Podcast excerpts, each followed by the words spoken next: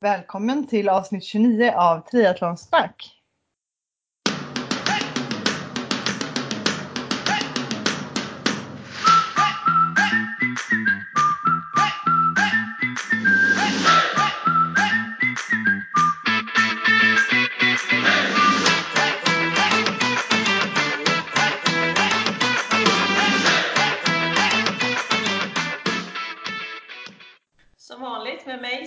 Häger och med Therese Gardelli på andra sidan. Ja, tjena! Hur är läget med dig Sofia? Det är bra, frisk och kry. Hur är det med dig? Samma, samma här. Har aldrig Man, man vågar knappt säga något annat. Exakt. Och man vågar liksom inte, skulle man vara det minsta snörvlig så, så hade man inte vågat eh, visa sig utanför dörrarna. Jag börjar Nej, bli men- lite nervös snart för jag är ju väldigt pollenallergisk och snart är det ju säsong Ja. för det så jag bara väntar på att min pollenallergi kommer komma och då vågar man väl inte gå ut. Man bara, jag såg någon som hade lagt upp en tröja där det stod bara jag har inte corona, jag är pollenallergiker. Jag bara den borde jag skaffa tror jag. Ja, de kommer ju sälja som smör. Alltså, för jag, jag har kollegor också som har sagt det och de är så här, jag, jag vet inte om jag vågar gå till jobbet då. Nej men man gör ju Fast typ folk inte kommer ju bara kolla snett på mig. Så, Exakt. Nej. Eh, ja, vi får ju nästan börja med att bara så här. För två veckor sedan när vi spelade in sist tror jag, då var det väl dagen innan vi skulle åka iväg på en träningsresa. ja. Eh, som inte blev av. Så eh, fruktansvärt tråkigt. Men samtidigt så var det väl vettigt kanske. Men Ja, det eh, hade blev- ju varit tråkigt att åka dit och sitta i karantän i hotellet som antagligen hade hänt.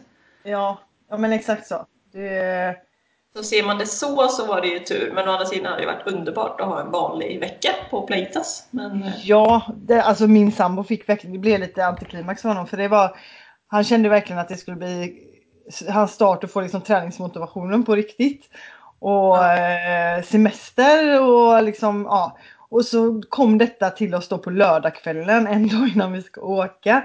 Och han bara så här, ja, du vet det var som luften gick ur och det var Eh, och, och liksom bara det där att behöva gå tillbaka till jobbet på måndagen när man hade en veckas semester att se fram emot. Det är ju riktigt. ja, det var jättekaos i hjärnan. Ja. Eh, på samma här. Eh, Men eh, annars då, har det hänt något annat kul sen sist? Ja, alltså det blev ju en vanlig vecka hemma där då istället. Eh, Så, fast inget bokat så det var lite härligt. Man hade jag har ju liksom ställt in allt med vardagsgrejerna vi brukar göra. Så eh, det blev en ganska härlig vecka ändå. Eh, vi har, jag och Malte har börjat med babysim. Det är väldigt kul. Det gillar Oh. både jag och Malte. Ja, det är väldigt Ja. roligt. Gillar han Eh. vattnet eller um, grinig i vattnet? Eh, Han, är, han gillar vattnet. Han älskar att bada. Så det går väldigt bra. Vi bara väntar på att vi ska få doppa huvudet nu. Det är nog nästa, Oh. nästa lektion tror jag. Eller mamma väntar på att Malte ska få doppa huvudet. Ja, okej. ja. Ja, det, det är riktigt roligt. Eh, Och idag så körde vi premiärtur på rullskidor.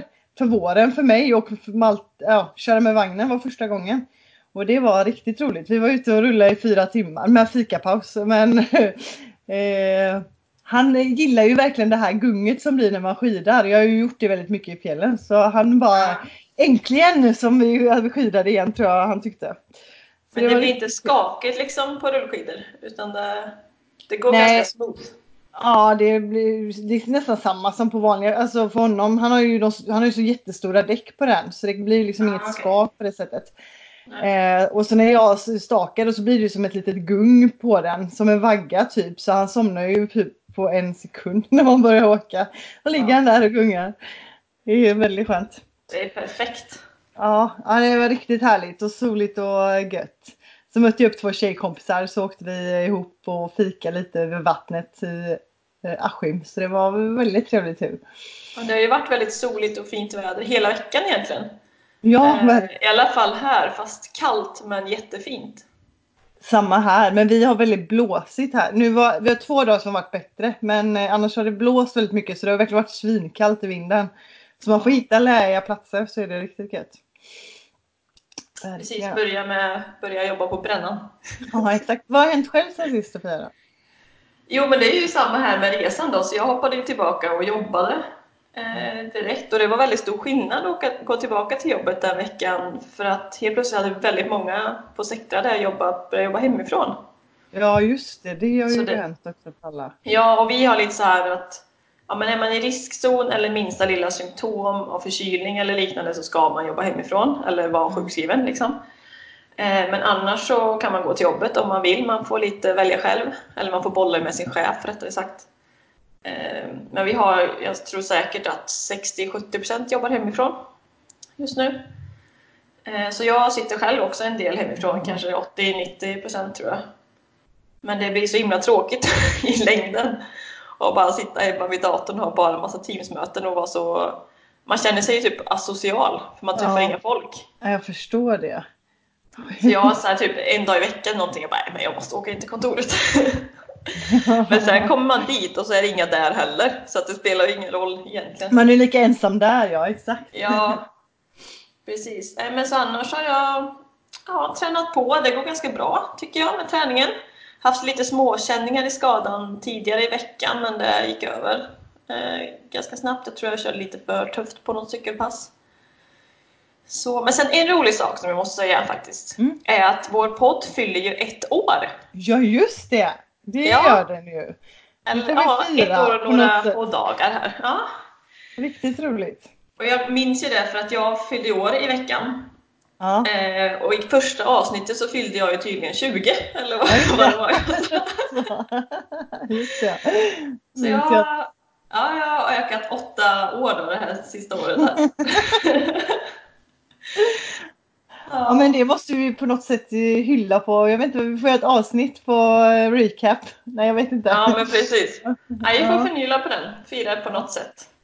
Men ja, annars så... i alla fall. Ja, annars kan väl du få nämna om vårt eh, träningsevent som faktiskt har fått lite visat intresse för, vilket är kul. Ja, jätteroligt. Vi har fått in en hel del bokningar. Vi har sagt att vi inte ska bli för stort eller så. Vi får väl se vad, vi, eh, vad det blir för antal. Ja, nu får det inte eh, vara mer än 50 i alla fall. På grund Nej precis, det får det inte vara på grund exakt. Eh, nu får du säga detta med, vilka datum är det? Helgen den 23 till 24 maj, lördag söndag. Maj, ja precis. Så kommer vi ha en träningshelg i Linköping. Eh, där eh, ja, vi kommer helt enkelt cykla, springa och eh, simma. Vi har eh, dagens gäst här i podden, Dan, som jobbar på får du lägga, hjälpa mig också Sofia. Idrottslabbet i Linköping. Ja, som de, man gör eh, fystester på. Eh, kommer föreläsa och hålla cykelpass. Vi kommer ja, det ser jag fram emot. Ja, verkligen. Det ska bli jättekul. Eh, så har vi lite löpteknik och löppass. Eh, simning får vi vilja se lite vattentemperaturer men förhoppningsvis en liten eh, upp en vattensimning. En kort variant om det är för kallt bara. Testa. Ja men precis. Eh, ja så det startar på lördag morgonen och eh, håller på till söndag lunch. Det ska bli jätteroligt. Verkligen. Vi ser fram emot det mycket. Och man får ju man får lunch lördag, eh, övernattning och frukost ingår ju, man får en goodiebag och sen får man, vi får en mm. rabatterad middag tillsammans som vi tänkte äta på lördag kväll. Exakt och allt detta för eh, 699. Yes. Eh, och man kan även med lite tillägg på 349 få singelrum. För 699 då är det del i dubbelrum. Ja. Eh, så man kan även lägga till eh, fredagen om det är så att man vill komma kvällen innan, vilket några har önskat. Eh, och då är det bara att säga till, så lägger vi till en natt till. Exakt. Så vi hoppas att ännu fler vill boka på sig. Så mm. har du inte gjort det än så gör det nu. Och då kan ni höra av oss till oss antingen på våra mejl triathlonsnack.outlook.com eh, eller på, till oss på Instagram eller Facebook. Det är bara att skriva. Så eh, ja, om ni inte har gjort det så gör det. Yes. Sen vill jag bara... Ja. Nej, har du något kör. mer att säga? Nej, kör du. jag tänkte bara hoppa in till det här avsnittet samarbetspartner. Eh, så som vi jättegärna vill tacka och det är Selexir. Eh, och specifikt då Selexir Endurance som jag nämnde i tidigare avsnitt att jag har testat på mina träningspass hittills då och längtar. Jag hoppas verkligen nu att det blir tävlingar i sommar. Dels så att jag får testa det här på liksom, eh, i skarpt läge. Och det är någon slags formula. Jag förknippar lite som koffein, alltså den här lilla mentala kicken man får för att kunna prestera bättre. Eh, och Selexi liksom Endurance är lite pulver som man häller i ett glas runt och dricker liksom innan sitt tuffa träningspass eller långa träningspass eller tävling. Sen kan man fylla på under tiden också, men jag tror Jonas sa ju i avsnittet att det höll i 3-4 timmar någonting, tror jag. Eh, och Selective liksom Endurance är framtagen tillsammans med forskaren Mikael Mattsson som jobbar både i Stockholm och i Kalifornien på bland annat Stanford University. Och hans huvudfokus är individanpassning och prestation som har lett till de totalt 15 ingredienser som skapat Selective Endurance. Och de här ingredienserna är uppdelade i olika fokus. Dels då för fysisk prestation, för kroppen och sen det mentala som är väl lika viktigt där för tuffa utmaningar. Eh, och några av ingredienserna är koffein, elektrolyter, nitrat, rosenrot, olika aminosyror som alla har en essentiell funktion till prestation. Ja, och du har väl inte testat det än Therese, tror jag? Nej, nej precis, jag har inte gjort det. Men däremot så var det väldigt roligt för min mamma har köpt det och testat det. Ah, vad tyckte hon då? Hade, jo men alltså hon hade ju fått upp sin puls så mycket högre än hon någonsin. Hon förstod inte hur det här var möjligt. Eh, och hon undrar bara vad är det i och hur har jag kunnat göra så här? Hon fick flera, ganska mycket högre pulsslag än hon någonsin har tryckt upp det utan att ens, hon har liksom inte upplevt det tuffare om du förstår vad jag menar. Hon har inte tyckt att det eh, har varit jobbigare eller att hon tagit i så mycket mer men hon har uppenbarligen lyckats göra det liksom. Så ja. Eh, ja, jag sa att vi får kolla lite på henne för hon har en bra klocka där man ser lite farter och eh, får jämföra det med pulsen om, nu, om det har gett resultat också liksom att hon har kunnat pressa sig och även fått upp hastigheten då. Det här var på ett cykelpass som hon hade lyckats med detta så det ska bli lite kul att kolla på det. Men ja, uppenbarligen har det gjort någon effekt. Ja. Mm. men jag märkte bara det att jag blev så skarp och liksom blev aldrig så trött eller fick ingen dipp när jag använde det. Vilket är, ja, det är ju värt mycket tycker jag. Ja, och, eh, vi har förlängt vår rabattkodstid med Selexi Endurance. Så mm. rabattkoden triathlonsnack gäller nu till sista april och den ger 10% eh, och de här Selexi Endurance kommer i pack om 12 och hittas på selexir.se. Så jag tycker absolut ni alla lyssnare ska klicka in och passa på att testa det här nu i vår innan det blir skarpt läge. Gör det! Jag ser fram emot att testa det snart så. Ja, det är faktiskt viktigt att vänja kroppen vid sådana här preparat innan tävling. Så man testar det på träning ja? Ja, precis, precis som med all utrustning och allting egentligen. Som man är duktig att säga till alla men kanske inte alltid gör själv. precis. men så, ska vi hoppa över till dagens gäst? Det tycker jag.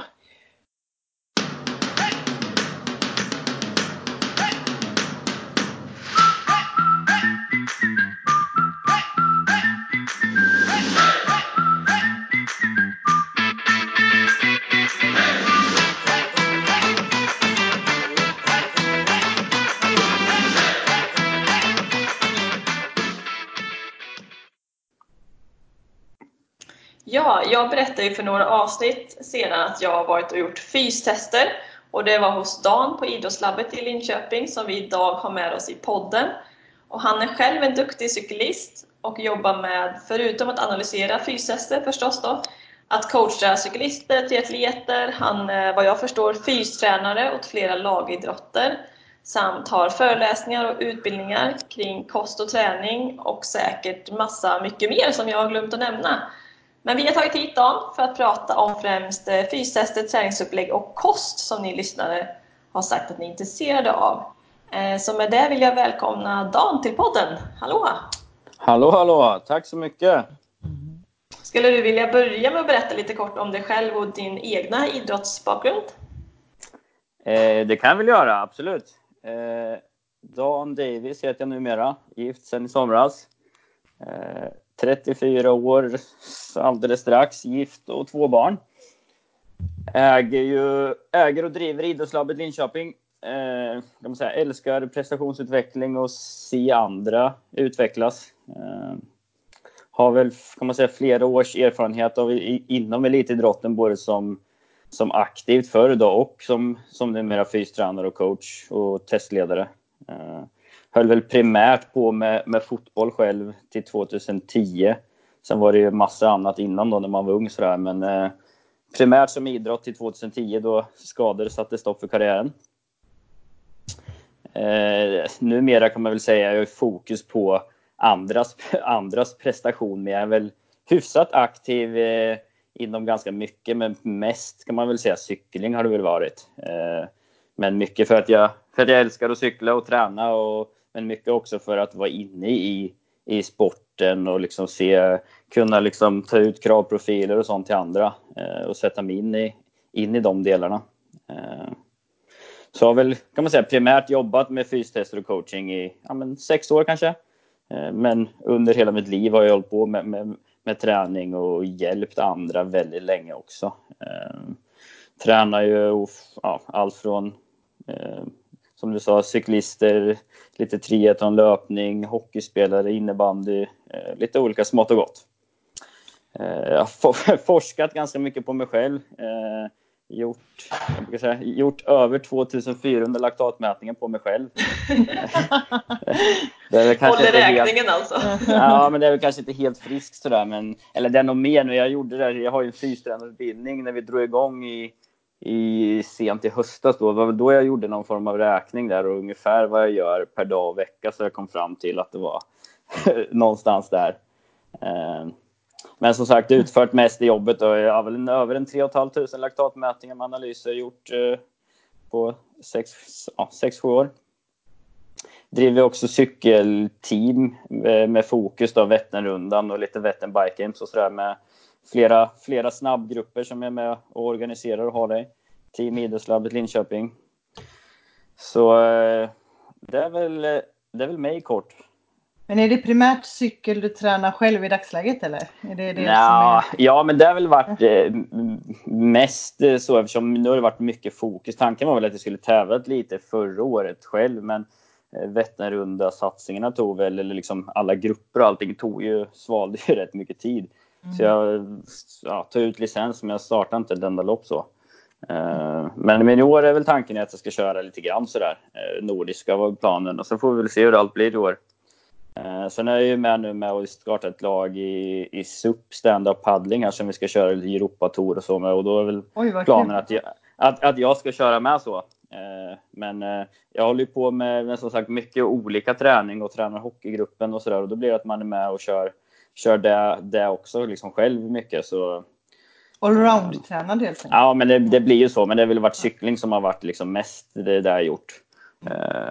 Och det jag fastnade lite för i tidigt då efter karriären för att man jag upptäckte ju ganska tidigt att man kunde mäta effekt och jag kunde mäta laktat, och jag kunde ta ut kurvor och jag kunde, kunde analysera olika zoner och sådär. Så det, det, det fastnade ganska fort för, eh, för det, den träningsformen. Och, och eh, det att man kan göra det i, i grupp och lag liksom. Som jag har gjort hela mitt liv och brunnit för liksom. Så mycket av det jag drog igång med ganska tidigt när jag började cykla själv var ju att dra ihop massa, massa grupper och lag och Vätternrunda grupper och sådär som eh, tycker det är kul att, att, ha gemensamma mål och liksom göra saker tillsammans. Tillsammans med andra. Mm. Lagsporten då liksom. ja men det, det, blir ju lite så. Eh, det blir det ju. Helt, helt klart. Men måste fråga vad du har för utbildning bakom här då? När du, vad har du för utbildning till allt mm. detta? Mm, man kan väl säga i grunden så gick jag ju som riksidrotts fotbollsgymnasium i Norrköping. Eh, var ju en del träning och kost och sådär runt det där men inga, inga större delar så. Sen var det ju liksom fokus på, på, på eget spel. Eh, gick olika ledarskapsutbildningar och vet annat stort företag förut. Eh, mycket, det fastnade för mycket situationsanpassat ledarskap. Eh, det ja, hade mycket nytta av hur man, hur man agerar mot olika människor i olika situationer. Eh, gick en tränarutbildning sen på, via Europe Active då, eh, och som jag även håller nu eh, med en steg 4-licens. Jag har blivit godkänt där nu som, som tränare och utbildare i deras högsta eh, nivå 6 där då. Eh, godkänt. Sen har jag ju mer småkurser med testmetodik och utbildat i, i, både utbildad och utbildade i krishantering eh, som är ganska avskilt från det här. Men eh, jag hade jädrigt mycket hjälp av det tycker jag i tränaryrket. Där man mycket jobbar med nulägesanalyser, eh, målbilder och gapanalyser. Vad behöver vi göra för att komma dit och sådär som, som jag har jättemycket nytta av när jag gör träningsplanering. Eh, att man liksom har en tanke bakom vad man gör för någonting. Eh, lite nutritionsutbildning och sådär men inte läst någon liksom lång eh, universitetsutbildning så utan utbildat mig smått på vägen men det jag lärt mig mest av skulle jag säga är väl allt, allt man gör i labbet med all utrustning. Jag har ju tillgång till väldigt mycket utrustning och data. Analysera, jämföra personer. Nu gjorde den här personen det här och de fick det värdena. Nu har vi en person som är mer explosiv och hans värden är så och varför och läst och grejat och eh, även mycket dialoger med andra duktiga tränare har jag ju. Eh, för att utvecklas och jobbar ju med, med lite andra tränare i landet som är väldigt duktiga. Eh, skulle jag säga. Sen är jag ju gått Ja, hur alltså, kom du in på liksom idrottslabbet? Eller hur kom du från utbildningen in på att börja ja, nej, men det, det, var väl så att jag, när jag avslutade karriären så, så jobbade jag på ett annat företag som, eh, som säkerhetschef faktiskt. Eh, och sen så startade jag ett eget företag vid sidan som jag körde i vad det nu var, två och ett halvt år kanske med tester där jag började själv egentligen. Gick lite kortare grejer och jag var på Eh, Olympiatoppen i Norge och gick, eh, var med på någon föreläsning och följde, jag hade lite insider där och följde en del forskning därifrån. Bland annat på, på två stora studier som var på elitmotionärer på cykel som bland annat Steven Seiler höll i. Eh, och då började jag ju själv då hålla på med mycket med laktattester och, sånt i ett par år vid sidan. Och där steg, det blev bara mer och mer och mer ett par års tid där. Eh, det är nästan eh, ja, drunkna av eh, båda jobben. så. Sen så eh, idrottslabbet har ju funnits sedan, jag tror är 2003 i Linköping, som Fredrik Wandus hade då. Ja, eh, så kom vi i kontakt med varandra av en cyklist från Linköping eh, när Fredrik skulle sälja det och eh, visste att jag höll på med tester och, och sådär. Så 2018, 1 januari var det, då tog jag över där då. Mm. Så det är väl egentligen den vägen. Så gjort extremt mycket tester och analyserat och ja, jobbat på via skolor och sådär också på riksidrottsskolor med gjort tester för olika idrotter och sådär genom gamla företaget med och, och numera med i en del forskningsstudier och sånt via, via LIO här och sådär. Eh, så det, har, det har varit full fart i många år. Ja, så, eh, och extremt mycket hjälp av att vara, vara i det själv också. Alltså som halvt det ena benet inne i idrotten också.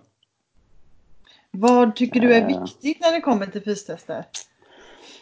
Eh, alltså, det viktigaste är att man har, jag vill säga, där man, där man, där man oftast in, inte tänker igenom när man gör tester, är ju att ett test kan man säga. Eh, det är ju eh, det är, det är en fråga och ett verktyg för att besvara frågorna. Liksom. Vad är det jag vill ha, ha reda på? Ska jag ha ett styrketest eller liksom ska jag ha ett konditionstest och vilket energisystem ska jag testa och hur, hur testar jag liksom? Eh, oftast gör man ju tester bara för, för att och man använder inte datan. Det är liksom, man bara drar in den i ett, ett program eller ett, som, som lag. Man gör ett eh, biptest och sen så bara, ja du blev godkänt och du blev inte godkänt liksom. Eh, Okej, okay. men man använder liksom inte datan till att kunna liksom förbättra individerna liksom så. Eh, det är väl eh, det är väl huvuddelen som jag tycker är väldigt liksom, viktigt. Eh, att man liksom har, har ett mål med, med testet. Att man får svar på de frågorna. Det kände jag. Jag gjorde mina tester hos dig som jag sa i introt. Ah, ah, ah, och det tycker jag är väldigt viktigt att man inte bara får ett papper med siffror utan du gick verkligen igenom de grundläggande och har även bred kunskap som coach och nutrition och alla de olika faserna i träningsupplägg och allting så man får liksom stöttning som en helhet. Det tyckte jag var väldigt viktigt.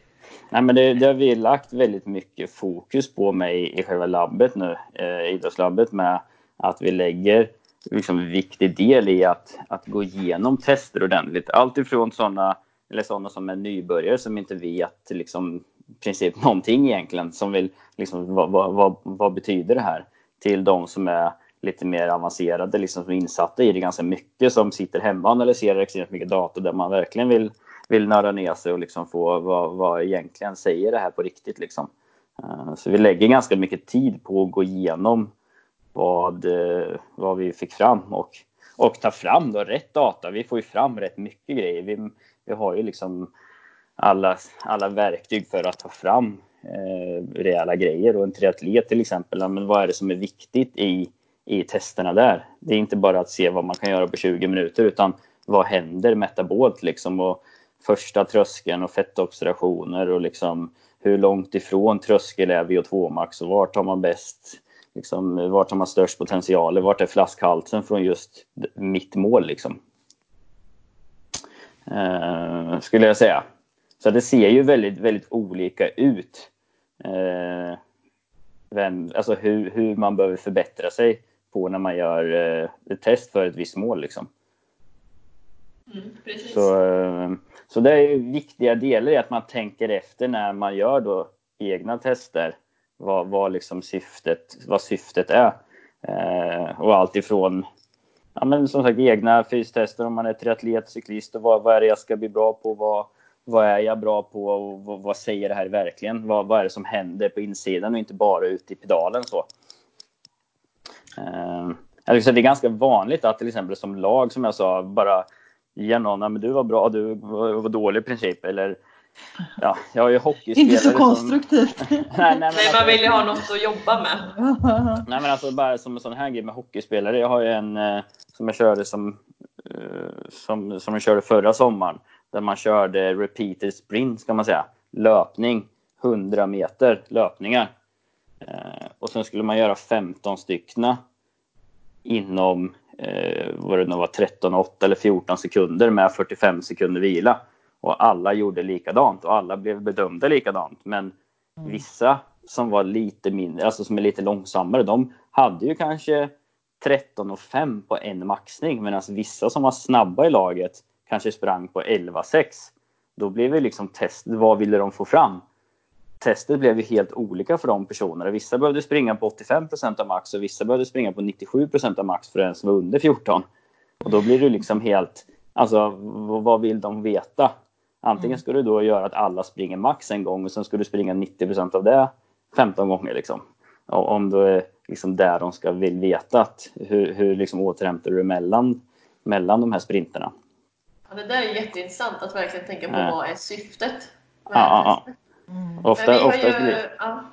oftast blir det ju det liksom att man, man, man gör ett test för att plugga in i en, i en, i en Garmin-dator eller någonting och sen så vet man inte vad, vad man ska använda den till eller hur jag påverkar den. Jag tror det är ganska många tränare där ute som framförallt liksom rent cykelmässigt sådär med FTP som är nu liksom att att man, man, man sitter och ska förbättra någons FTP men man vet inte vad det är som ligger bakom alltså effekten i pedalen.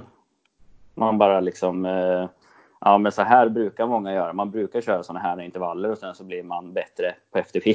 Men man vet inte vad FTP betyder egentligen liksom. Ja, det tror jag är vanligt faktiskt. Mm.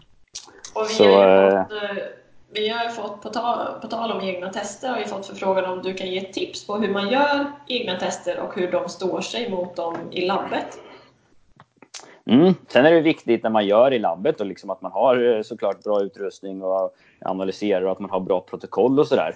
Eh, sen är jag för, absolut, med eh, egna tester och jag kör ju en del egna tester med eh, med dem jag tränar. Alltså, många kommer ju till mig oftare och vissa kommer till mig lite, lite sällare och jag liksom kör, kör vissa tester på hemmaplan då, där jag ser då i training peaks effekt och, och watt och puls och allt. Men i sällan kanske jag lägger en 20 minuter maxning för att bara se vad jag klarar på 20 minuter. Så, så där kommer vi dit igen, liksom, att vad, vad vill de ha reda på? Att kanske ha lite koll på vad man är för profil. Om man säger, i, om man är lite mer tempoprofil eller med lite mer spurtare puncherprofil där man jobbar med hög, hög mjölksyra, liksom, då kan man oftast överprestera på korta, korta intervaller. Eh, och 20 minuter och sådär. Att man vet man, har man gjort ett test innan och vet ungefär och sådär. Så, eh, men det gäller ju att liksom när man gör ett test att man, att man ser då vilket test passar bra för min kravprofil i min idrott. Vad är viktigt? Eh, att man tar bort mycket så yttre faktorer med allt från eh, miljö med vind eller liksom vädereffekt och så spelar inte det så stor roll men att det är 30 grader visst, ena gången och sen är det 15 grader andra gången att det är ganska lika, lika miljö. Att man kommer in i testet med ganska samma mod, liksom att man, man kanske har haft en vecka som är hyfsat lugn innan som vanligt. Då, när man kommer till ett test i labbet så ska man komma dit fräsch. Så då gäller det att komma till ett, till ett eget test också fräsch då. Eh, men att man tänker till då, liksom att gör man oavsett om det är ett 5 minuters test eller 20 minuters test eller vad det nu är, får, får man 10 watt mer i pedalen så var, var kommer de här 10 watten ifrån? Är det liksom tröskeln som har ökat? Har VO2 max ökat? Eller har anaeroba toleransen ökat? Man kan liksom hantera lite högre mjölksyra på toppen. Eller grävde man 10, 10 watt djupare liksom? Att, eller, eller har man blivit mer van att göra testet? Fått tjockare så. pannben. Nej men alltså oftast till exempel har du jag brukar dra ett exempel på eh, eh, anaerob tröskel, man kan säga så här, jag kan säga det direkt mm. då. FTP kan man säga, det är ju ett estimerat värde av anaerob tröskel. Och, och anaerob tröskel är ju där laktatproduktion och elimination är på jämvikt kan man säga. Går man över den punkten så liksom ansamlar man mjölksyra och det blir högintensivt.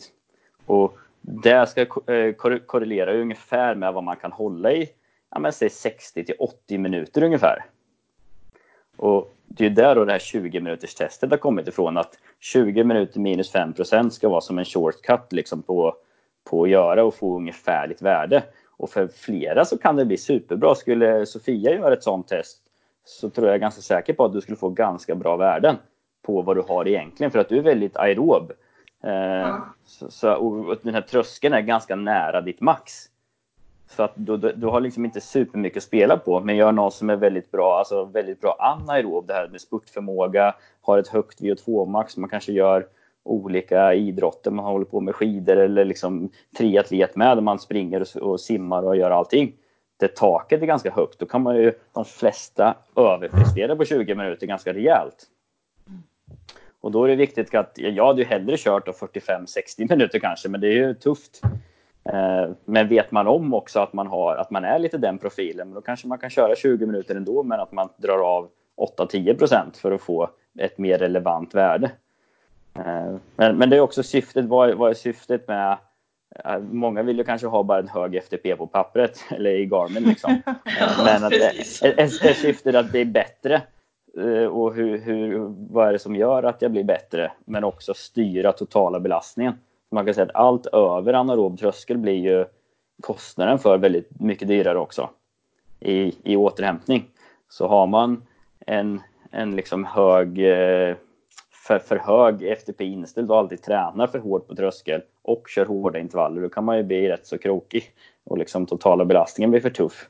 Ehm, jag har ju haft exempel i labbet där många liksom kommer in och säger att man, jag har 290 och jag har 300 watt i FTP och allt. Och sen så liksom ser man att 230 watt liksom och sen så är ju liksom laktatproduktionen skjuter iväg. Och jag mäter ju med, med, med O2, jag mäter ju både O2 och CO2 då, så jag ser ju när man går 100% på kolhydrater, vilket man gör över tröskel. Eh, så jag är ganska trygg på vart jag sätter trösklar och sådär. Och då, då är det att man överpresterar på ett 20 minuters test. Och då är det bara att inse läget att ja, men jag har ett högt VO2 max eller jag tål laktat bra men för att få upp tröskeln så behöver jag göra det här. Då, då kan jag träna efter vad, vad, vad, för att förbättra mig liksom. Eh, så man behöver tänka till lite där, liksom, vad, vad, är, vad är syftet och hur är jag som, som profil i liksom, eh, min fysiologiprofil? Eh, jag brukar också dra ett exempel när jag har eh, med tanke på att anaerob tröskel är laktatproduktion och elimination är på jämvikt. Säg att du kör ett 20 minuters test idag eh, där du får bara, säg som en eh, exempel, 250 watt. Och sen så kör man ett fyra veckors block med anaerob toleransträning, alltså 30-60 sekunders intervaller rejält hårt med lång vila och sådär. Eh, då, då är jag ganska säker på att om inte VO2-maxet har ökat så kommer laktattröskeln egentligen sjunka lite grann. Men man på ett 20 minuters test kanske får 10 watt mer. Det skulle kunna vara så. För att man slutar testet med mycket, mycket högre laktat och man är van i också att träna hårt en period. Och då tror man att ja, men FTP har ju gått upp här. Jag fick ju 10 watt bättre på 20 minuter. Men är syftet att jag ska bli bättre på tempo eller liksom triathlon så kanske jag till och med har blivit sämre. Så att man, man, man tänker till liksom vad, vad, vad är syftet med det och liksom lite omständigheter runt om.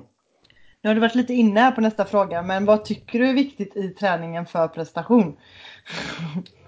eh, det är ju sjukt mycket såklart. Men, men, men jag brukar säga det här att, att träna för adaption och inte bara att träna för att träna.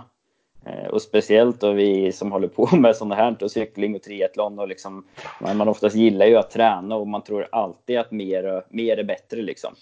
Eh, men att verkligen liksom träna för att bli bättre och inte bara liksom träna för att träna. Ibland blir det så att man tränar för att man ska själv uppnå ett syfte för sig själv. Liksom. Eh, eller att fly, fly, fly verkligheten som många kanske gör. Liksom. Eh, gå ut och träna, då slipper jag tänka på det där. Liksom. Och att man då har ett syfte med de flesta passen. Vad, vad, vad ska det här passet innebära som gör att jag blir i slutändan bättre på triathlon i det här fallet? Det behöver inte vara så att det är exakt löpning, eh, simning, eh, cykling liksom.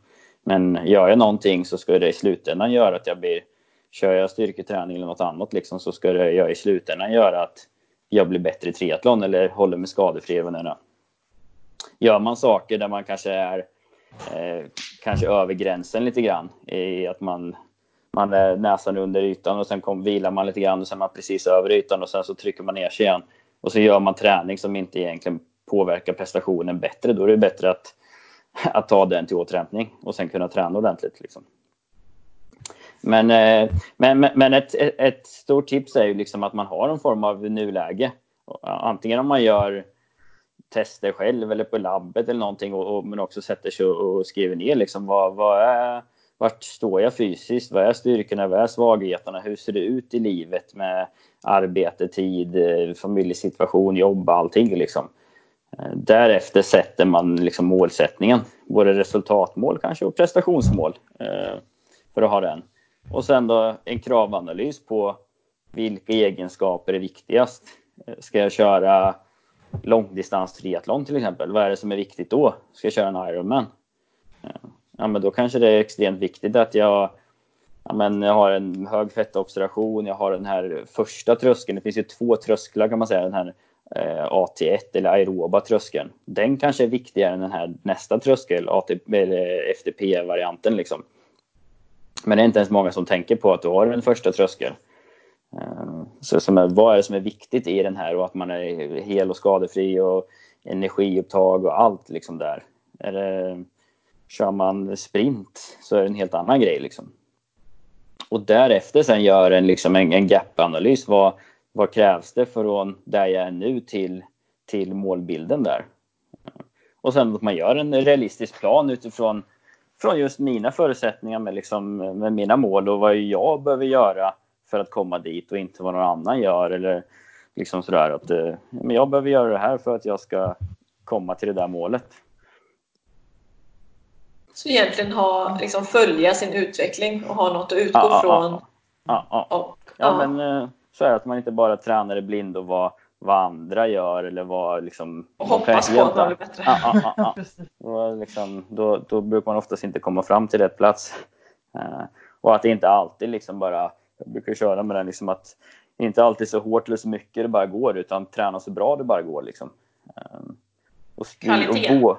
Ja men alltså det behöver inte vara kvalitet att det ska vara hårt, så kvalitet utan det kan ju vara kvalitet att det är ett lugnt pass kvalitet liksom. Men att man liksom gör det man ska och sen bollar med totala och styr totala belastningen.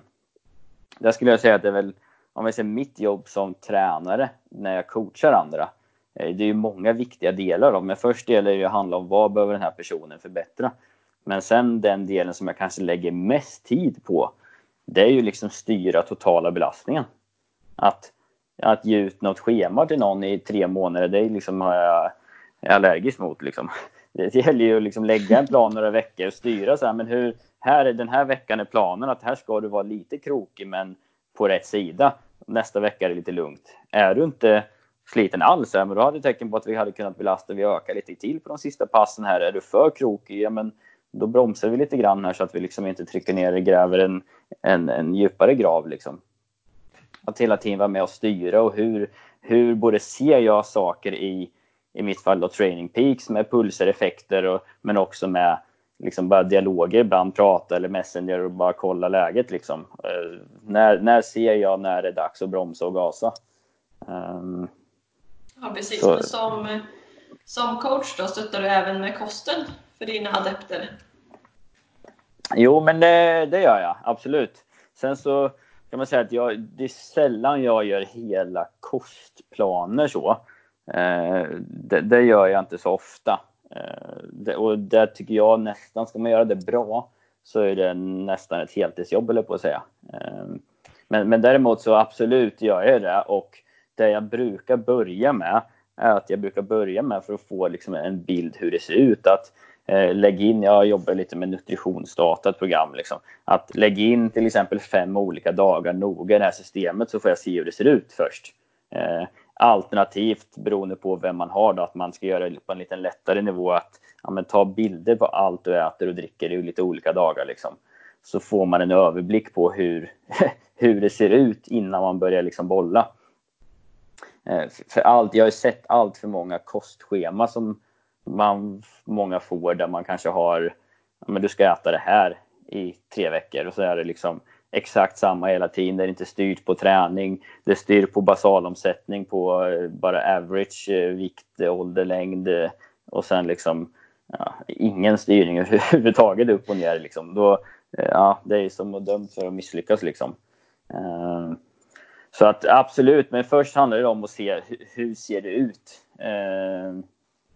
Så, sen brukar jag mer bolla i stort med vad, i, liksom i olika faser. Eh, hur, alltså får du i det som du ska. Det vill säga, man behöver inte vara raketforskare i det här landet för att se att de flesta kanske äter dåligt och för mycket. Liksom.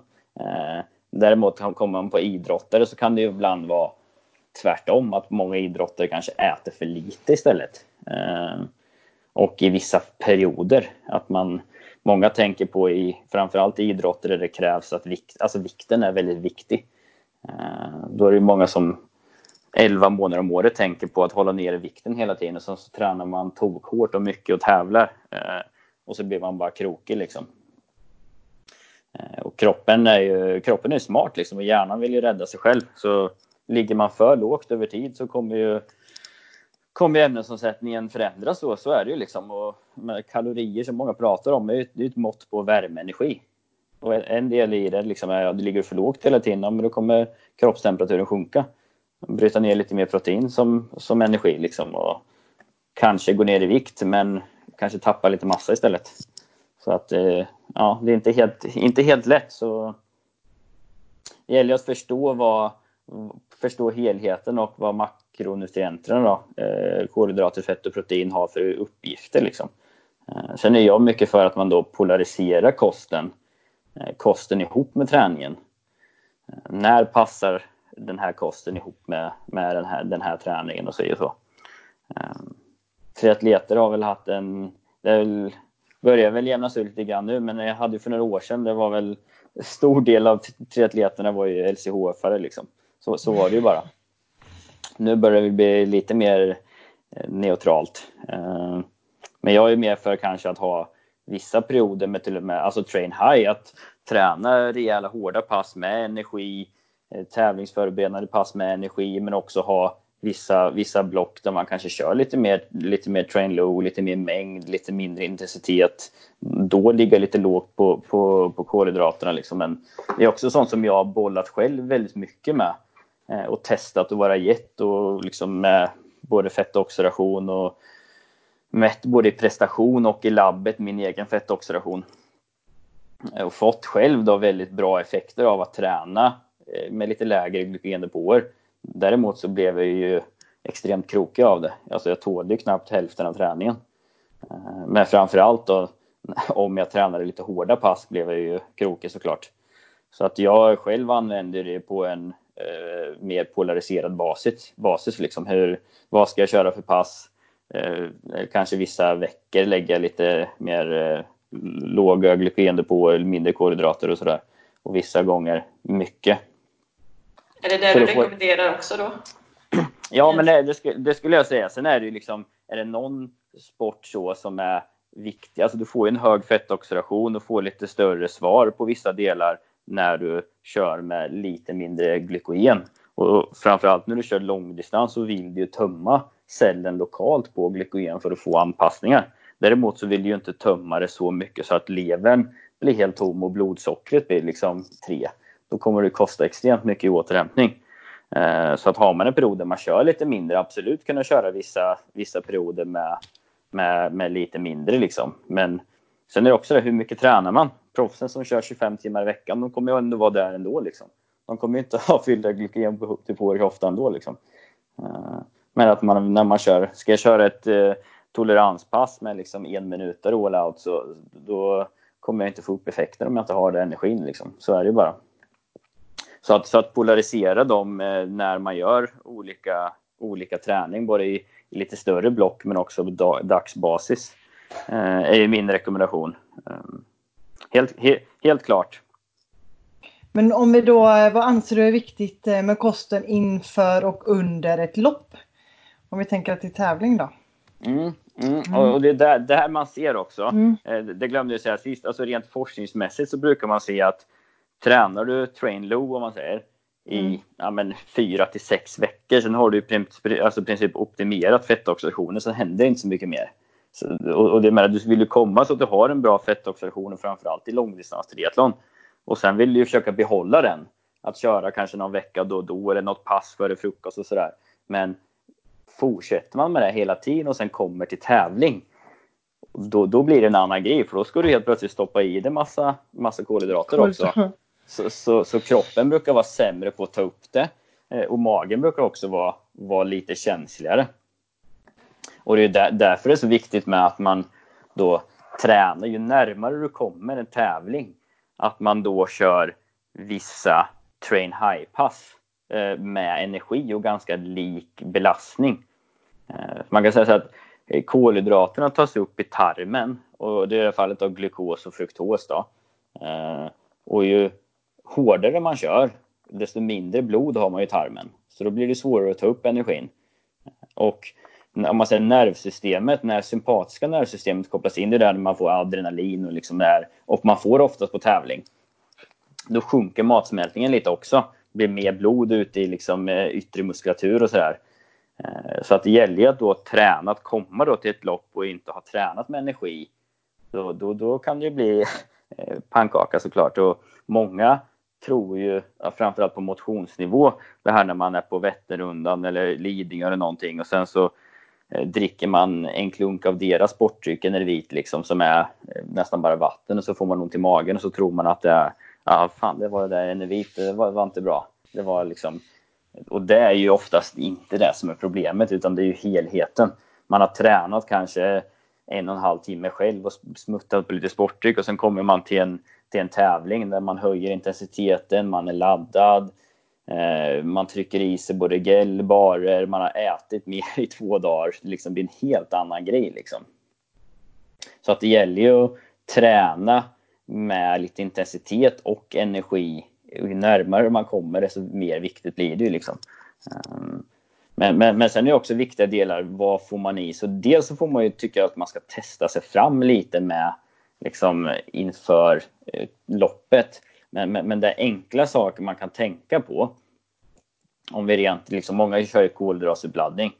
Eh, som jag tycker man bör göra, liksom, om det är för prestation sista, i alla fall sista en, två dagarna kanske lite grann. Men att man tänker på vad man stoppar i sig och framförallt sista, sista dygnet. Att om man säger så här, eh, fiber är ju det är en kolhydrat kan man säga. Eh, som är ju då viktigt för, för tarmarna och allting och den påverkar blodsockret i lite, lite långsammare och sådär och i rent sådär så är det ju den mer hälso... Alltså det är nyttigare kolhydrat om man säger så. Men själva fiberdelen kommer ju vara kvar i tarmen tills man gör av med den. Om man säger så. Och, och trycker man i sig en jädra massa fibrer eh, och också fett och så kommer det vara mycket i, i tarmarna när man ska göra aktiviteten. Så att rent prestationsmässigt så är jag för sista dygnet ska man ju försöka hålla lite, lite mer enklare sockerarter. Eh, och kanske då fylla på lite mer med små, eh, små mängder och oftare liksom. Eh, så att man inte har för mycket i tarmar utan det ska ju lagras in som glykogen i musklerna och i levern. Så att det är viktigt att man liksom testar sånt fram också, vad som passar. med de flesta då trycker i sig alla möjliga. Om man sitter och trycker i sig en jädra massa gröt och massa knäckebröd så ska man liksom stå några timmar senare sen och dunka på liksom. Och sen har man allt det där i tarmarna. Det, då är det inte så lustigt att det blir, att det blir magproblem heller.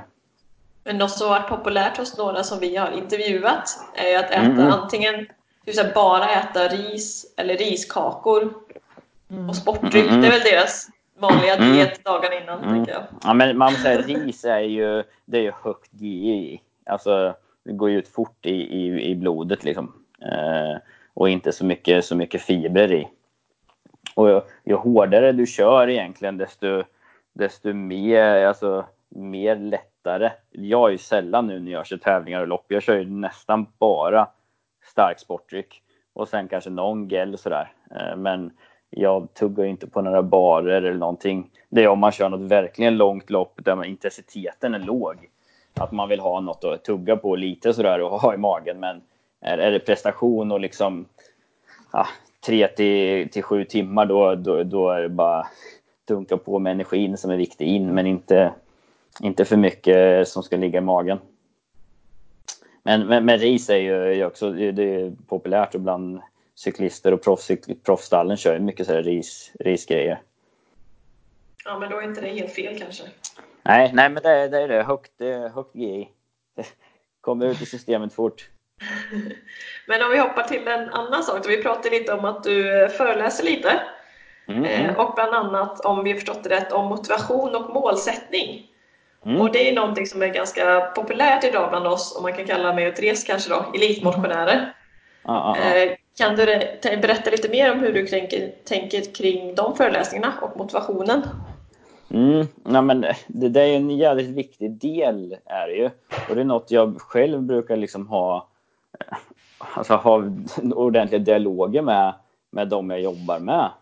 Vad, eh, alltså, vad, vad, är motivation för någonting och vad är det som påverkar den liksom? Eh, många har inte tänkt igenom liksom varför man gör saker, varför man gör saker man liksom ägnar sitt halva liv åt att göra, liksom, träna hårt och sätta upp mål men man, man har inte tänkt på egentligen vad, vad det betyder och nästan för vem man gör det. Liksom. Eh, sådär att man, man tänker igenom vad det är och det handlar ju liksom om våra inre och yttre krafter liksom, som, som styr och upprätthåller våra beteende. Och det är mycket det här inre motivation är att själva utförandet i sig. Alltså jag älskar triathlon. Jag tycker det är så jädra kul och vägen dit och träna och bli bättre liksom i, i det. Och yttre motivationen kan ju vara också, det är väldigt brett liksom, men att man Alltså mer på att man ser fördelar med att ja, men, klarar jag det här så kommer jag med i det laget eller jag får den här prispengen eller eh, och, och i vissa sporter och framförallt i vissa länder så har du ju extremt stor yttre motivation kanske från att Alltså de delar att, att leva i fattigdom till att vara en rik idrottare och resa runt och tävla liksom. Mot att stå i en, i en gruva med en spade. Alltså lite så. Och det gäller att ha balans mellan de eh, systemen. Ibland kan det vara bra att ha lite yttre motivation som är, som är lite tuff samtidigt som att det kan ju också göra att det blir stor press. Eh, men ser man i det här läget så är inre motivationen extremt viktig och och kollar vi så, som nu till exempel när vi har ja, alltså coronatiderna med uppskjutna tävlingar och eh, vissa som jag sett på, på nätet liksom är, bryter ihop helt för att ja, all träning de har gjort och sådär. Men har man en stark inre motivation så, så gillar man ju att träna och gillar ju vägen dit. Då får man ju liksom bara hitta nya, nya sätt att göra, liksom flytta fram målen och liksom göra saker man kan göra. Eh, men det är viktigt att förstå liksom vad, vad, vad är det som driver mig Eh, och att det är liksom en process, att det inte bara alltid är exakt så, utan det är en process så att Eh, man, liksom, man förstår vad de här målen vi pratade lite om förut, liksom, vad, vad innebär det här målet för mig rent satsningsmässigt, både i, i vad jag måste utsätta mig för men också liksom rent tidsmässigt och allting. Jag ser ju liksom, jag vet ju ganska många som har både tränat sig i skilsmässor och ja, nästan uppsagda jobb och allting för att liksom åka 15 minuter fortare på Vätternrundan liksom. I slutändan liksom, är, det värt, är det värt det? Och jag är ju verkligen för att man ska liksom sätta höga mål och jag älskar ju prestationsutveckling liksom. Mm. Och jag är ju 100% för det. Men man ska veta vad det innebär och, liksom, och att man kan göra det. För att det ska bli hundra bra liksom.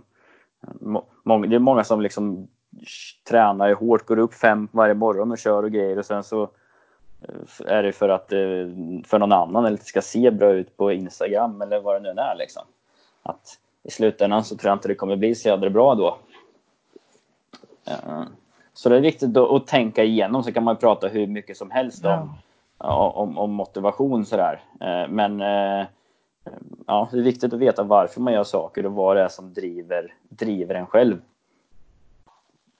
Och för många nybörjare så kan det mer vara rent hälsomässigt. Liksom att mm.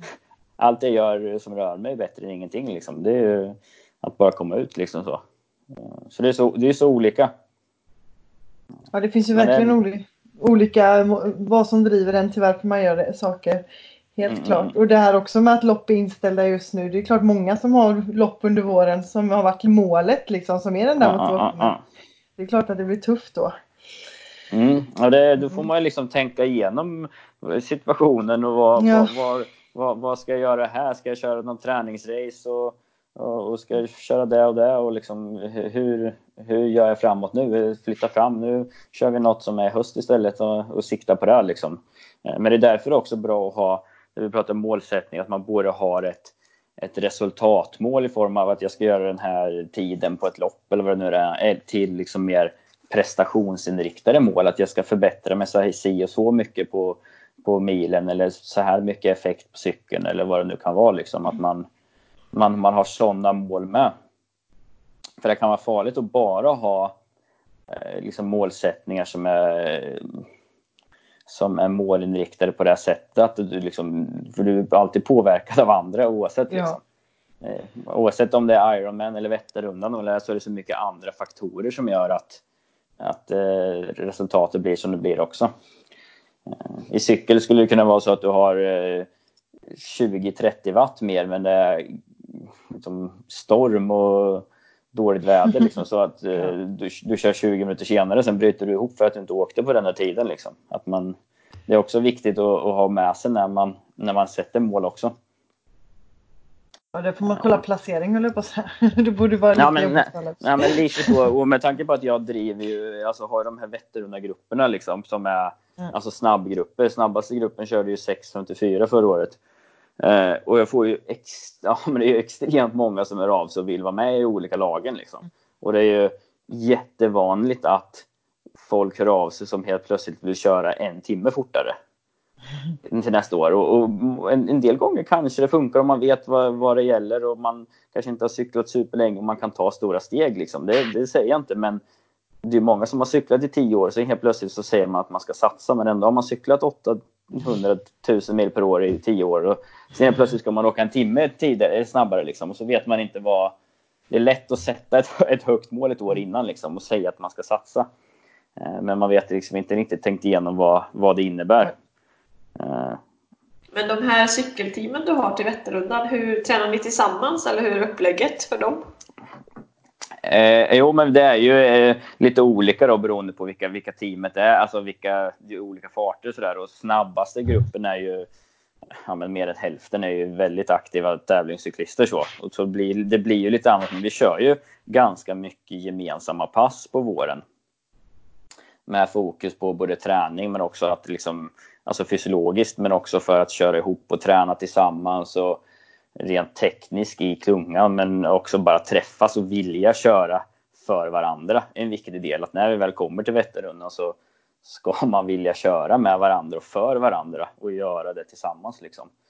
Eh, men där får vi, vi får se, se nu hur våren blir. Tanken var ju att vi skulle vi skulle träna en del i vår nu. Eh, Även att situationen ser ut som det gör nu, bara att man är extra noga med allt runt omkring med hygien och, eh, och sådär och att har någon några känningar så får man absolut inte komma nu. Men, eh, Håll avstånd! Det här med ja, två vi, meter. Ja. ja. Nej, men vi får väl se hur det blir. Nu, nu skulle vi haft ett pass i helgen första här som blev uppskjutet faktiskt. Eh, och vi får ju svar här 6 april på hur ja, jag är ganska säker på att Vätternrundan inte kommer gå, i alla fall i juni. Så, eh, så får vi se helt enkelt. Vi, men planen är att vi ska köra ganska mycket ihop i träning. Ja, vi får väl se helt enkelt. Ja. ja. Allting är ju lite så, man lever i en ovisshet liksom. Kommer det bli av eller inte? Ja, ja, ja.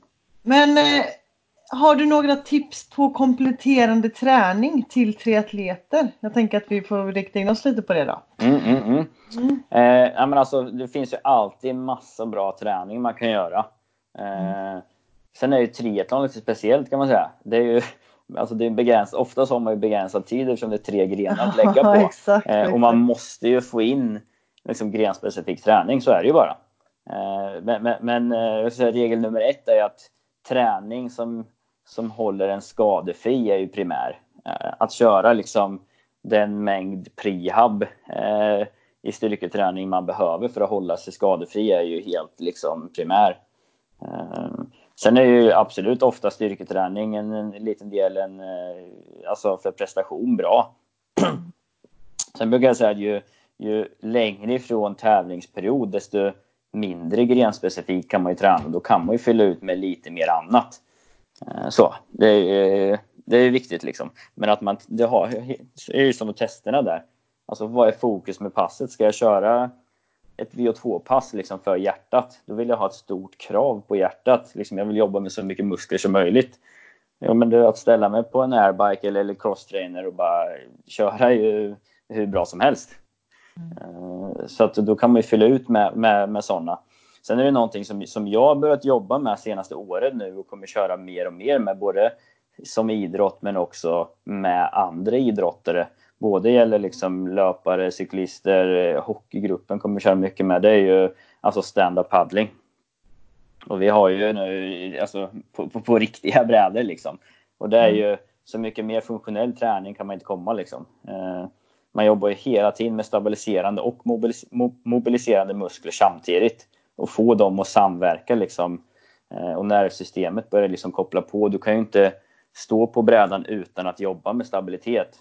Och ju mer du gör du driver på hårdare, desto mer då kommer du jobba med, med stora starka muskler som driver dig framåt och, och hjärtat. Då.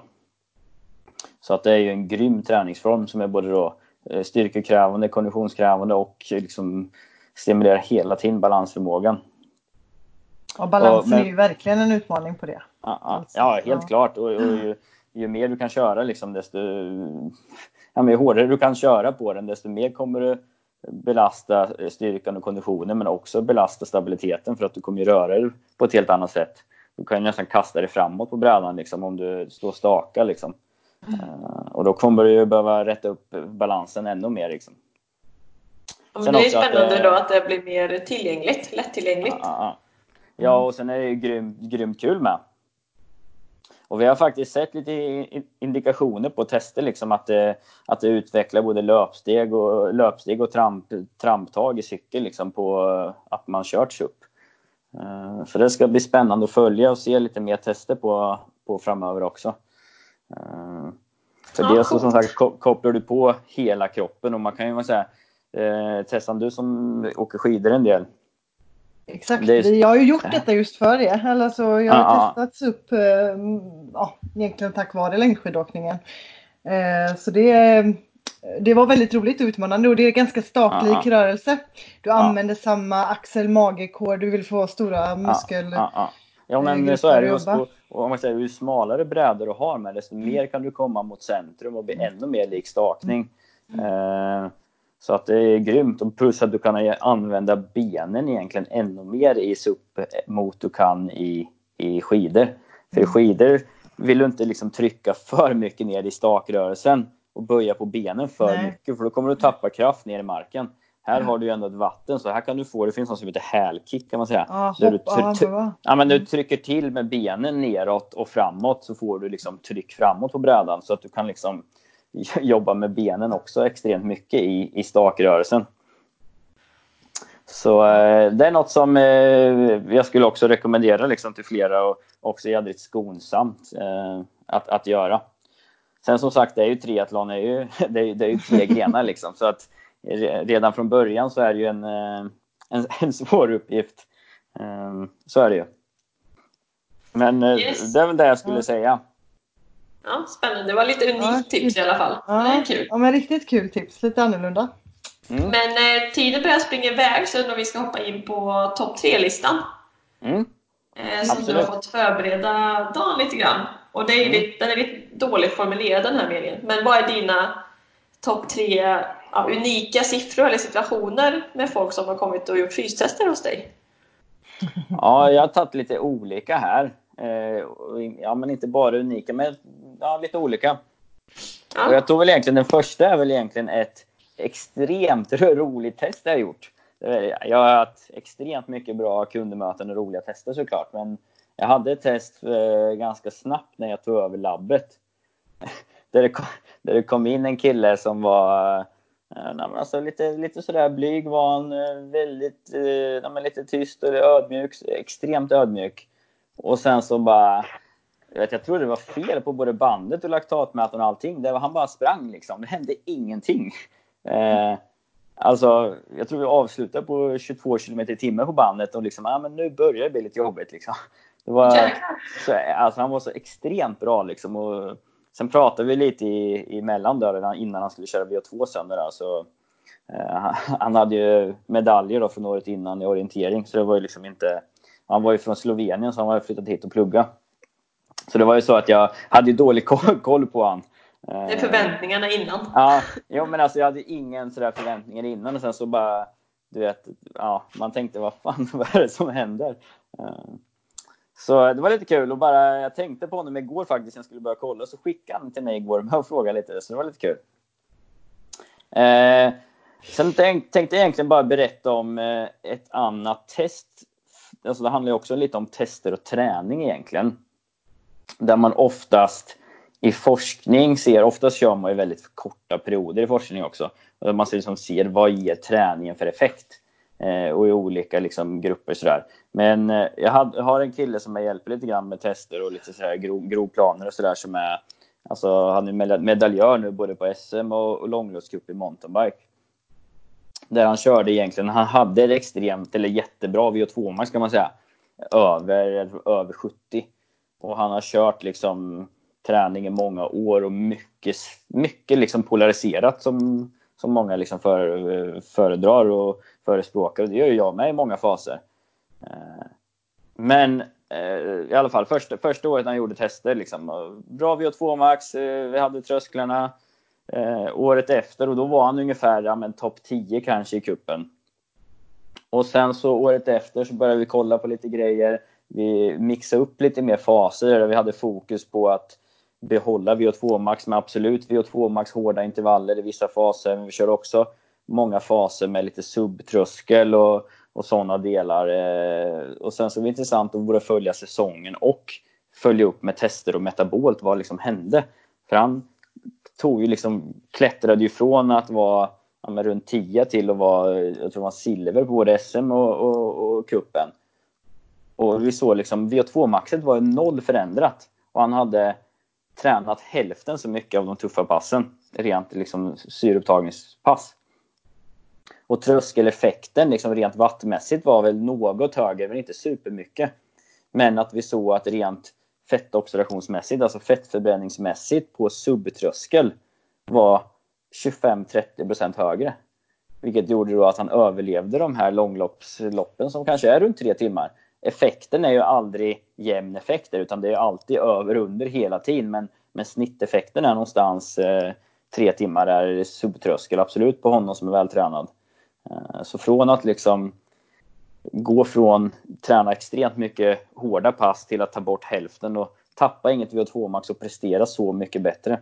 Och i forskning då oftast är det inte något man kanske kollar på utan man bara ser vad har hänt på eh, VO2 max till exempel eller laktatet på max eller liksom 4 millimol eller någonting utan här såg vi andra saker som ledde till medaljer. Så det var, det var lite kul och han fortsatte så ett år till sen och lyckades lika bra. Eh, så det är lite, lite spännande.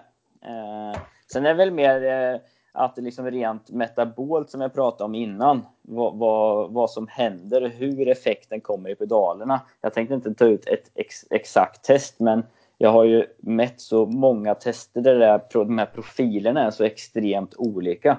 Eh, allt ifrån att personer har, lite som du Sofia, typ på max, alltså har kanske 4-4,5 millimol när man liksom mjölksyra då, när man pressar sig helt till max till att jag mätt över 30 i laktat. Eh, vilket betyder då att de här kommer då återhämtning för de här personerna kommer vara väldigt olika. Träningen kommer vara väldigt olika beroende på vad målet är. Så att eh, det finns ju extremt mycket data underliggande som man kan använda för att, för att förbättra sig och för att styra träningen optimalt för just, just en själv. Det är verkligen så, individuellt, eller individbaserat. Ja, ja, ja, men så är det ju. Eh, och må, många blir ju då lite, det, alltså det här FTP är ju ett, ett, bra verktyg för att se vissa grejer själv så, men ja, det, jag är inte helt eh, bara för, eh, för just den termen och hur man testar det själv hela tiden. Sen kan man ju då eh, absolut testa det själv och vet man att man är din profil eller att man kör lite längre drag och hur man, hur man använder det Eh, så är det oftast bättre. Eh, men det, det gäller ju att eh, träna det som påverkar, påverkar tröskel i sådana fall om man vill ha upp den. Men det, det kommer vi också till om bara snabbt med, med kravprofilerna. Där, där jag menar med, med FTP. Har man en, en, en linjecyklist som är eh, på toppnivå säg i Sverige som är skitstark som kanske har eh, säg 350 watt i, i tröskel eller FTP och, och tävlar i Sverige där det i princip inte är så mycket långa backar. Att den ska sträva efter att höja FTP till 360 och när den kanske inte klarar av att höja VO2-maxet måste betyda att effekten kanske på en minut måste sänkas och det är den som gör att den vinner. Och så länge den kan ligga med i klungan och komma till spurten eller hänga med till backarna som är korta en, två minuter, då är det ju vapnet att kanske bli ännu bättre. Kanske bättre att sänka den 340 watt och öka effekten på 90 sekunder. Däremot är den för låg, då kanske man tappar i klungan ens. Liksom. Så det är ju en balansgång där. Att inte bara fokusera på eh, liksom FTP, FTP, utan för vissa kanske till och med att ja, behålla eller kanske till och med sänka 10 watt och bli bättre på det man ska, som avgör. Liksom. Det är ett riktigt finlir för eliten ja. alltså, tänker jag. Ja, ja men man, man, man kan säga så här, det, vad, vad beror FTP på? För vissa kanske behöver höja VO2-maxet för att ha mer att spela på. Men annars handlar det om att man, man har ju tre muskelfibertyper kan man säga lite kort. Typ 1-fibrer, de långsamma med mycket blodkärl där du får in mycket syre, har aerobt arbete. Sen har man de här typ 2A-fibrerna som räknas som en snabb fiber men kan gå lite åt båda håll. Och sen de här typ 2X, lite mer sprintfibrerna. Och de här typ 2A-fibrerna, det är ju det som är grejen. Tränar man mycket runt tröskel och subtröskel så blir de lite mer aeroba. Och då, då ökar den här nyttjandegraden närmare, närmare VO2 max. Medan kör man extremt mycket då riktigt korta och hårda grejer, anaeroba saker, då kommer de gå lite uppåt. Vilket gör att då kommer man få då laktatproduktion lite tidigare. Ehm, och det är det, där jag förklarar med den här som körde en minuter då på den 20 och sen då öka effekten på 20 minuter kan ju vara då att man kan buffra lite mer och kan klara av lite högre mjölksyra liksom. Men man kanske har blivit sämre på det man vill bli bättre på, men man, man, man har inte förstått det liksom. Så att då, då, blir det, då blir det ett finlir. Ja, precis. Och, och, det, och det är det man också måste, måste tänka på sen när man, vilken profil är man och vad gör man? Är man triatlet då är det ju mycket jämn effekt. Men kör man på mycket banor där det är korta backar och sånt, då måste du ändå komma upp för dem. Och är du, det var så roligt, jag gör tester på en som är också en mastercyklist som är på toppnivå i Sverige som har både medaljer och guld på SM och NM. Där han är verkligen en sån tempoprofil. Och vi pratar liksom, ja men, ja men jag kör ju linje likadant som tempo. Det är alltid utbrytning liksom. Så då, då, då utnyttjar ju han sin profil fast i linje liksom. Han, han går ju inte med och försöker ligga bak och spurta utan han, han ser till att de andra får det jobbigt och går utbrytning med två, tre man hela tiden. Så då kör ju han nästan, då kör ju han nästan tempo på linjelopp. För att det är det han är bra på. Så att man får det gäller att liksom, vara smart. Ja, man får använda sina liksom, styrkor i fysiologin till vad, vad, man gör oavsett om, om man inte gör exakt eller kör bara tempo så får man försöka köra, köra så att det passar en själv. Precis. Bra poäng. Smart, ja. Men ska vi hoppa över till vår sista sektion, fem snabba, som vi brukar ta med i varje intervju? Mm, spännande! Yes, mm. så då kommer vi säga Ja, det är två alternativ egentligen som du får välja egentligen utan att tänka Dan, det ena eller andra, vilket du föredrar. Snabba mm. svar. Mm. Precis. Ja, ska du... mm, mm. Vi kör då. Eh, ja, träna, med, träna med eller utan musik? Eh, med. Chips eller godis? Godis. Sprint eller olympisk distans? Sprint. Skavsår eller håll? Eh, oh, håll. Varma eller kalla förhållanden under tävling? Eh, varma. Snyggt. Sprint sa du alltså. Har du, har du kört några triathlon? Tänkte jag eh, nej, det har jag faktiskt inte gjort. Eh, däremot så kommer jag nog göra någon, någon gång, men eh, jag känner väl att jag väl inte riktigt haft... Eh, jag kan ju, jag höll på att säga, jag kan ju inte simma. Bröstsimma kan jag ju, men då är sprint inte... ett bra val, tänkte jag. Ja, ja nej, så därför jag kommer nog göra en Ironman inom några år tror jag mer att, alltså troligtvis då gå utomlands och bara göra mer upplevelsemässigt så. Jag har ju fortfarande lite svårt att, att koppla bort. Jag kan åka till vissa grejer och mer så här, men göra det bara för att, för att och för upplevelsen. Men jag har ju lite svårt skulle jag nog ha att åka till, till Kalmar kanske och komma upp liksom 20 minuter efter i vattnet på de jag borde liksom vara jämna med och, och jaga sen. Liksom. Så att, eh, jag vet inte. Jag, eh, jag, ja, jag kommer nog göra en, en, en Ironman i alla fall, det, det, tror jag, men inte, inte just nu. Schemat är för fullspäckat för att gå och lära, lära, lära mig att simma. Ja, men det låter bra. Och, och upprätthålla det. Kanske du får hjälpa mig med sen. Ja, absolut. Hjälpa varandra. men eh, Dan, har du någonting mer du vill tillägga innan vi tackar för oss? Mm, eh, nej, det vet jag inte. Mm. Om man vill komma i kontakt med dig, hur gör man då? Mm, jag finns, vi finns ju både liksom på, jag privat på, på Facebook och Instagram men också som Idrottslabbet då, på Facebook och Instagram och idrottslabbet.se. Eh, det, det jag kan nämna är väl att som det ser ut nu med tester och sånt, vi kör ju lite mindre tester men ja, vi får se hur det utvecklar sig, men vi kommer köra lite tester framöver, eh, i alla fall som det ser ut nu, men är extremt noga med, med hygien och, och liksom, eh, att man är fullt frisk och sådana delar. Um, mm. Sen kan väl, kan väl bolla för också lite kort där att uh, med, med, med själva idrottslabbet att uh, uh, jag kommer ju, jag sa ju att jag samverkar med lite olika personer i i, liksom, i, i tränarskapet sådär och framförallt eh, kommer jag då börja jobba med en som heter Magnus R Lindstedt lite mer som kommer börja jobba i, med fystränarutbildning. Jag har nästa kurs drar igång i september igen eh, som har ja, 30 års erfarenhet inom rådgivning och liksom prestationsanpassningar och tränar ja, världsmästare i olika sporter eh, som kommer börja köra med mig lite mer i labbet också. Så att eh, vill man komma i kontakt så är det bara hör av sig till mig. Eh, så, så tar vi det den vägen och vi kommer väl som sagt köra lite, lite mindre tester som det ser ut nu men ändå köra. Eh, så. Sen får vi se om vi får andra direktiv såklart. Ja precis och du kommer ju vara med på vårt träningsevent i maj om mm. det blir av. Får vi hoppas. Ja, Men det... Ja, vi, det får vi väl hoppas. Så då ska vi komma dit och, komma dit och prata lite och försöka få er att bli trötta också på cykeln.